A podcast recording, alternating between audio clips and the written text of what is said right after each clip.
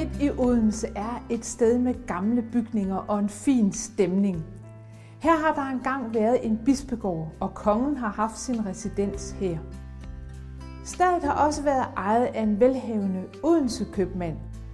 Men det endte hos en adelig familie Brahe, og i begyndelsen af 1700-tallet der oprettede Karen Brahe et adeligt kloster for ugifte adelsdamer, der kunne tage ophold på klosteret.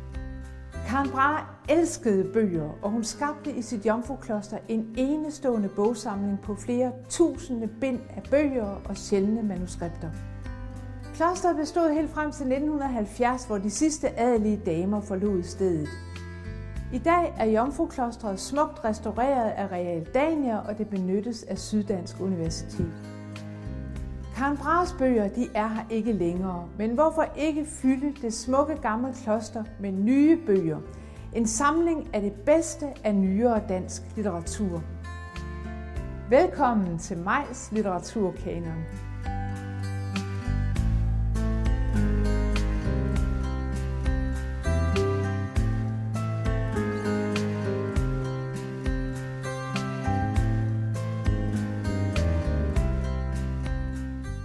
De fleste kender lysten til at tage en tur til stranden på en varm sommerdag.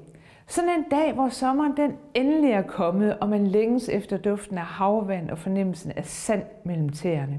Peter Sebergs roman Ved havet beskriver en række forskellige personer, der alle søger ud til havet på en dejlig sommerdag for at slappe af, holde fri og føle, at de er i live. Romanen er både let og svær at følge. Der er mange personer, og fortællingen skifter imellem dem. Vi får en antydning af, at de repræsenterer forskellige sider af kultur og historie gennem deres navne. Der er både personer, der har navne fra det gamle testamente, Abraham, Josef og Rebekka, og navne, der kunne henvise til det nye testamente, som Peter og Paul.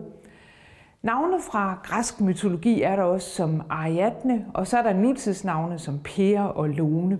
Seberg han ser os ud til at ville have os med på, at mødet mellem menneskene og havet, det rummer noget, som vi alle deler som mennesker. Havet er ældre end menneskeheden. Måske så kommer livet selv af det store hav i form af mikroorganismer, der blev begyndelsen til højere livsformer. Mødet med havet, det minder os måske om en tid før vores egen tidsregning. En tid fra den gang jorden var hav.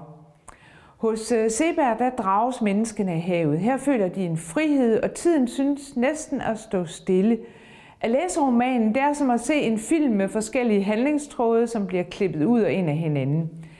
Det hverdagsagtige, det virker let og enkelt, men vi tænker også, at de enkle handlinger næsten bliver en slags ritual, som når den gamle Abraham han pusler om sin bil, før han og konen de drager afsted mod stranden.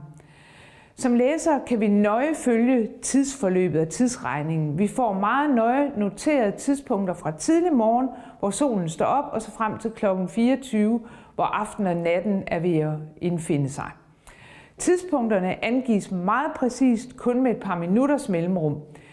Mens personerne oplever, at tiden flyder afsted, fastholdes vi som læsere af tidspunkterne, men mærkeligt nok så mangler der et længere tidsrum på 38 minutter midt i romanen. Og det her manglende tidsrum, det danner en form for sort hul eller en lakune, for vi ved ikke, hvad der sker her, og alt det skal vise, at vores menneskelige erkendelse, den er begrænset. Sommerdagen den kalder mange til stranden, men i det ydre der sker der faktisk ikke så meget. Personerne tænker og de taler med hinanden. Flere af dem bliver klogere på sig selv og deres mål i livet. Og havet det bliver kaldt en form for formindskelsesfaktor for deres bekymringer. Der er en af personerne, en ung mor, Maja, som øh, taler om, at hvordan hun altid har set for sig, at hun ligger på stranden med sit barn på maven. Barnet ser havet, føler vinden og solen. Ved havet sættes tiden i stå. Her kan man ikke blive gammel, som hun siger. Trods de få ydre begivenheder, så er der alligevel to begivenheder, som læseren må hæfte sig ved. Der er en sort sky, der passerer, og der kunne være en vis fare for, at den vil gøre en ende på sommerglæderne.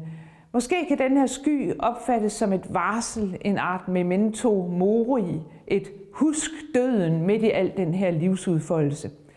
Den anden begivenhed, den er umiddelbart mere dramatisk og fatal.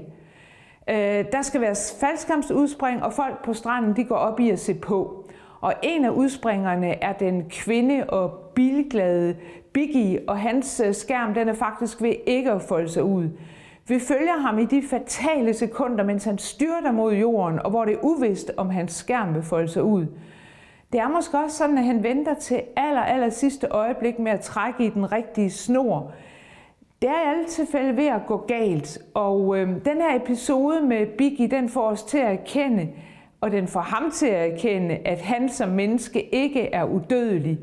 Han hører en stemme, der formaner ham om, at livet det har en virkelighed, der kan mærkes.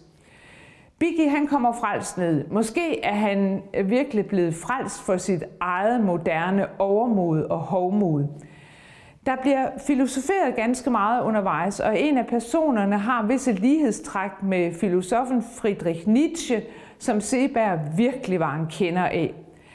I Ved havet, der filosoferer Friedrich over nærvær og fravær. Hvad er det, som ikke er der, og som alligevel virker med, tænker han, mens han går rundt og ser på strandens mennesker, så er det også, at han begynder at føle et behov for en afklaring. Han når frem til, at han kan begynde med følgende tanke. Stranden har altid været der. Den er der før alt andet. Den er det første og det sidste. Men før den og efter den er havet. Menneskene fylder sig lidt i strandens tid og ingenting i havets, hvis havet har tid. Ja, sådan tænker Friedrich. Mødet med havet befrier personerne og giver dem en ny oplevelse af sig selv. Den tykke Edith, hun er faktisk meget besværet af sin krop, selvom hun har det bedre som tyk end som tynd. Men da hun går i vandet, så oplever hun en salighedsfølelse. Hun føler sig som en bold eller en ballon, der løftes op, og det ser ud som om hun nærmest gendøber sig selv i alt det her skønne havvand. I romanen hedder det, en gang var hun tynd et stykke tid af sorg. Der var hun slet ikke i verden. Nu spænder det ude og inde. Nu mærker hun verden rigtigt imod sig, og solen skinner på så meget. Hun står stille med spredte fødder. Vandet når hende knap til knæene, men hun bøjer sig ned og tager lidt vand i hænderne, hælder det ned over brystet, tager en håndfuld til og hælder det ned over panden og øjnene. Så løber hun lidt, ud over en riflet bare og ud det næste vand, der først er lavere og koldere end det første, men så bliver dybt. Hun kanter sig ud, det står hende til skødet, og badedragten begynder at tynge ned, og det er som om alt svulmer lidt mere ud og bliver frit, og hun bøjer sig i knæene og lader det nå til lige under brysterne. Der står det og skulper og kilder, og hun har armene under, og snart er hun helt under vandet. Nu bøjer hun sig dybere i knæene. Barmen forsvinder med små kluk og bobler, og saligheden er der. De blege skuldre kommer med, og hun mærker på ny, at hun intet vejer.